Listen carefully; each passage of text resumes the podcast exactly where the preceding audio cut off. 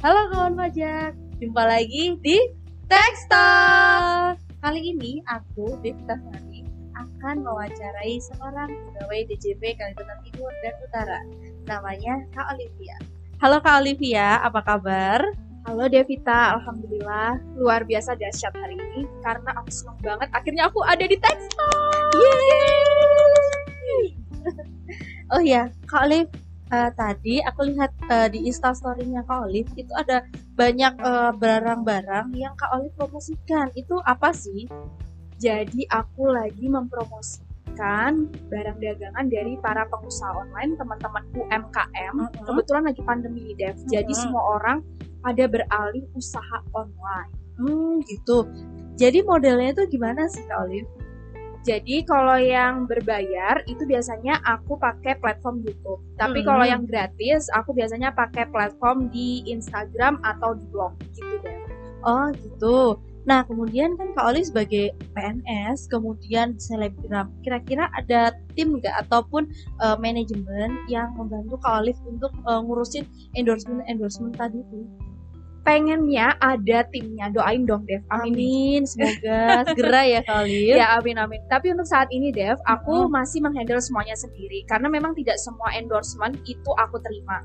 Jadi hanya beberapa endorsement aja yang memang sesuai sama temaku plus waktu luang karena ini hanya side job. Jadi main jobnya aku tuh tetap sebagai ASN. Jadi ketika punya waktu luang baru aku terima.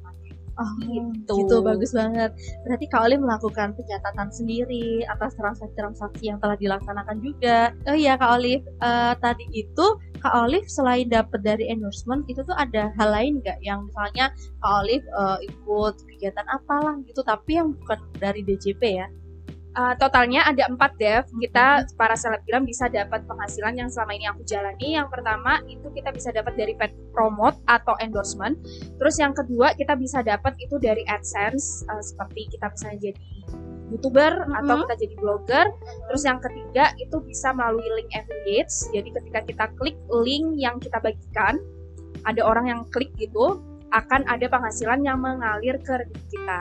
Sesimpel itu. Terus yang keempat bisa juga melalui menjadi narasumber atau kita menjadi moderator seperti itu.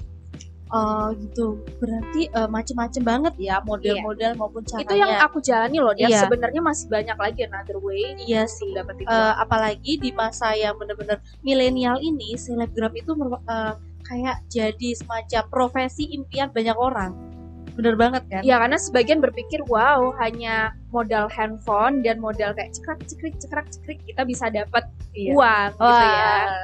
Mungkin itu yang di bayangan orang kenapa banyak orang yang pengen jadi selebgram. nanti ajarin Devita ya Boleh. Oke. Gampang lah. oh iya Kak Olive Eh, Kak Olive kan ini eh, ada misalnya endorsement ataupun diundang acara sebagainya itu tuh eh, ada semacam apa ya red card ataupun eh, perjanjian atau di awal gitu nggak Jadi biasanya stepnya yang pertama mereka itu akan menghubungi kita plus mengirimkan konsep semacam kayak perjanjian Hmm. gitu. Konsepnya seperti apa, deadline postingnya kapan, terus ada beberapa hal-hal yang lainnya. Nanti disertakan di email atau melalui DM Instagram semua biasanya. Oh gitu. Oh iya, Kak Olive, eh, misalnya nih sekarang Kak Olive eh, misalnya diundang ke acara-acara itu kira-kira materinya bisa tentang apa? Jadi kalau ini yang sebagai narasumber Iya, mungkin ya, heeh, narasumber. Jadi kalau biasanya aku diundang sebagai narasumber itu bukan sebagai ASN ya. Jadi Ya. aku diundang narasumber, moderator itu biasanya lebih ke arah gimana sih caranya jadi youtuber, gimana sih caranya jadi blogger gitu. Jadi aku lebih sharing-sharing ilmu pengetahuan mengenai selebgram ini. Jadi profesi aku di luar ASN. oh gitu. gitu. Oh iya, Kak Olive nih kita tahu Kak Olive jadi ASN, kemudian eh, selebgram, kemudian youtuber. Ini Kak Olive ini buat apa? Hasilnya buat apa nih? penghasilan untuk saat ini semuanya full buat keluarga Dev karena kebetulan sekarang aku posisi anak tunggal dan orang tua aku udah lumayan sepuh ya Hmm. jadi aku mengambil alih posisi tulang punggung berusaha sih saat ini jadi semua penghasilan aku aku alihkan untuk keluarga Semoga berkah ya Kak Olive. ke depannya. amin Oh iya Kak Olive, kali ini aku mau kasih suatu pertanyaan yang agak menggelitik. apa tuh Eh, selebgram tuh bayar pajak gak sih? Wow, pertanyaan yang menarik banget ya, Uh-uh. bagus banget dan Gimana, mungkin gimana? banyak orang yang belum tahu tentang ini ya. Jadi aku akan jawab ini berdasarkan pengalaman pribadi aku ya, Dev ya, yang Hmm. aku jalani. Untuk aku sendiri, karena aku mendapatkan penghasilan, salah satunya itu dari advertisement Hmm. dari Google AdSense.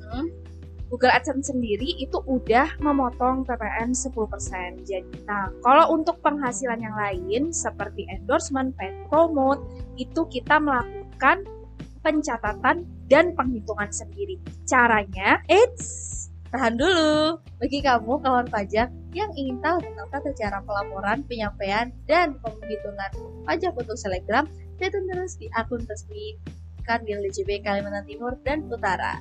Aku Devita, aku Olive, sampai, Sampai jumpa.